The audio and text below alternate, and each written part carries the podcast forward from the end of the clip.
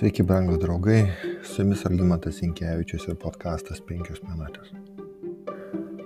Pažvelgus Izraelio klajonių po Sinajaus kalno istoriją, matome nuolatinį murmėjimą ir nepasitenkinimo, tokį kaip kasrautą, jau galime pasakyti, kuris periodiškai peraugdavo į sukilimus. Bet toje pradžioje šis murmėjimas kilo iš egiptiečių, kurie prisijungė prie Izraelio ir reikalavo savo mėsos, tai laikui bėgant murmėjimas persikėlė Izraelitų širdis. Po putpelių istorijos Mozės brolis ir sesuo ėmė jiem priekaištauti.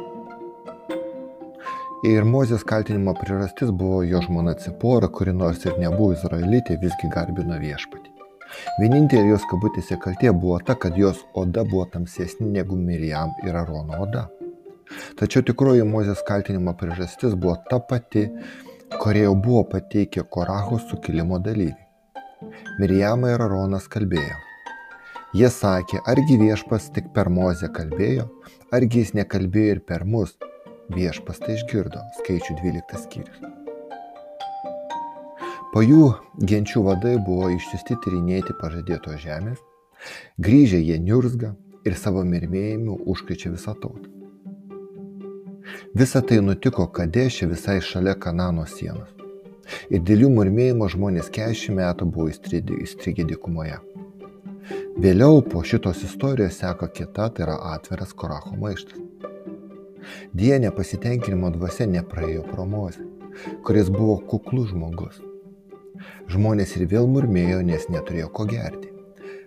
Pirmo mėnesį izraelitai visa bendryje atėjo į Cino dykumą. Žmonės apsistojo Kadešį. Ten numirė ir buvo palaidota Mirijam. Bendryje neturėjo vandens, todėl jie susibūrė prieš Mozę ir Aroną.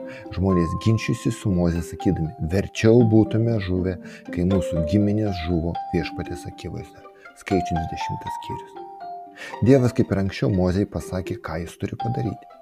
Paimk lasdą, surink bendryje, tu ir tavo brolės Aronas, ir jiems matant, įsakykite uolai duoti vandens. Taip jūs duosite jiems vandens iš olos ir pagirdysite bendryje bei galvijus.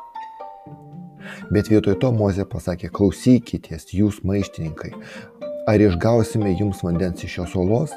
Tada Mozė pakėlė ranką ir sudavė du kartus lasdą į uolą. Pasipylė vandens rautas, atsigėrė bendrėjai ir jų galvijai.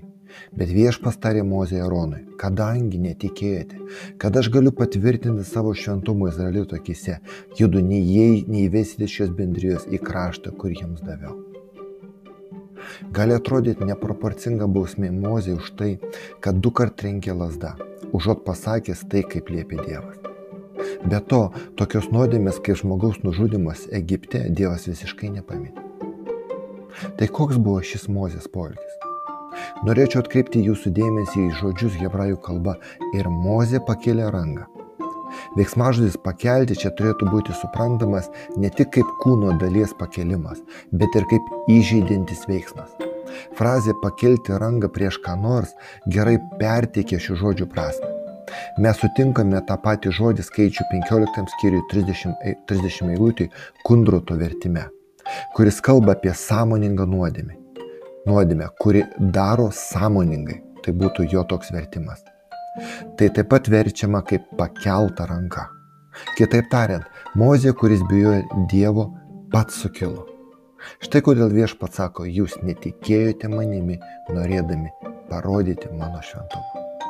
Brangus draugai, tegul ši istorija prie olos Kadešė mums tarnauja kaip įspėjimas, kad neprieštarautume Dievui su pakelta ranka.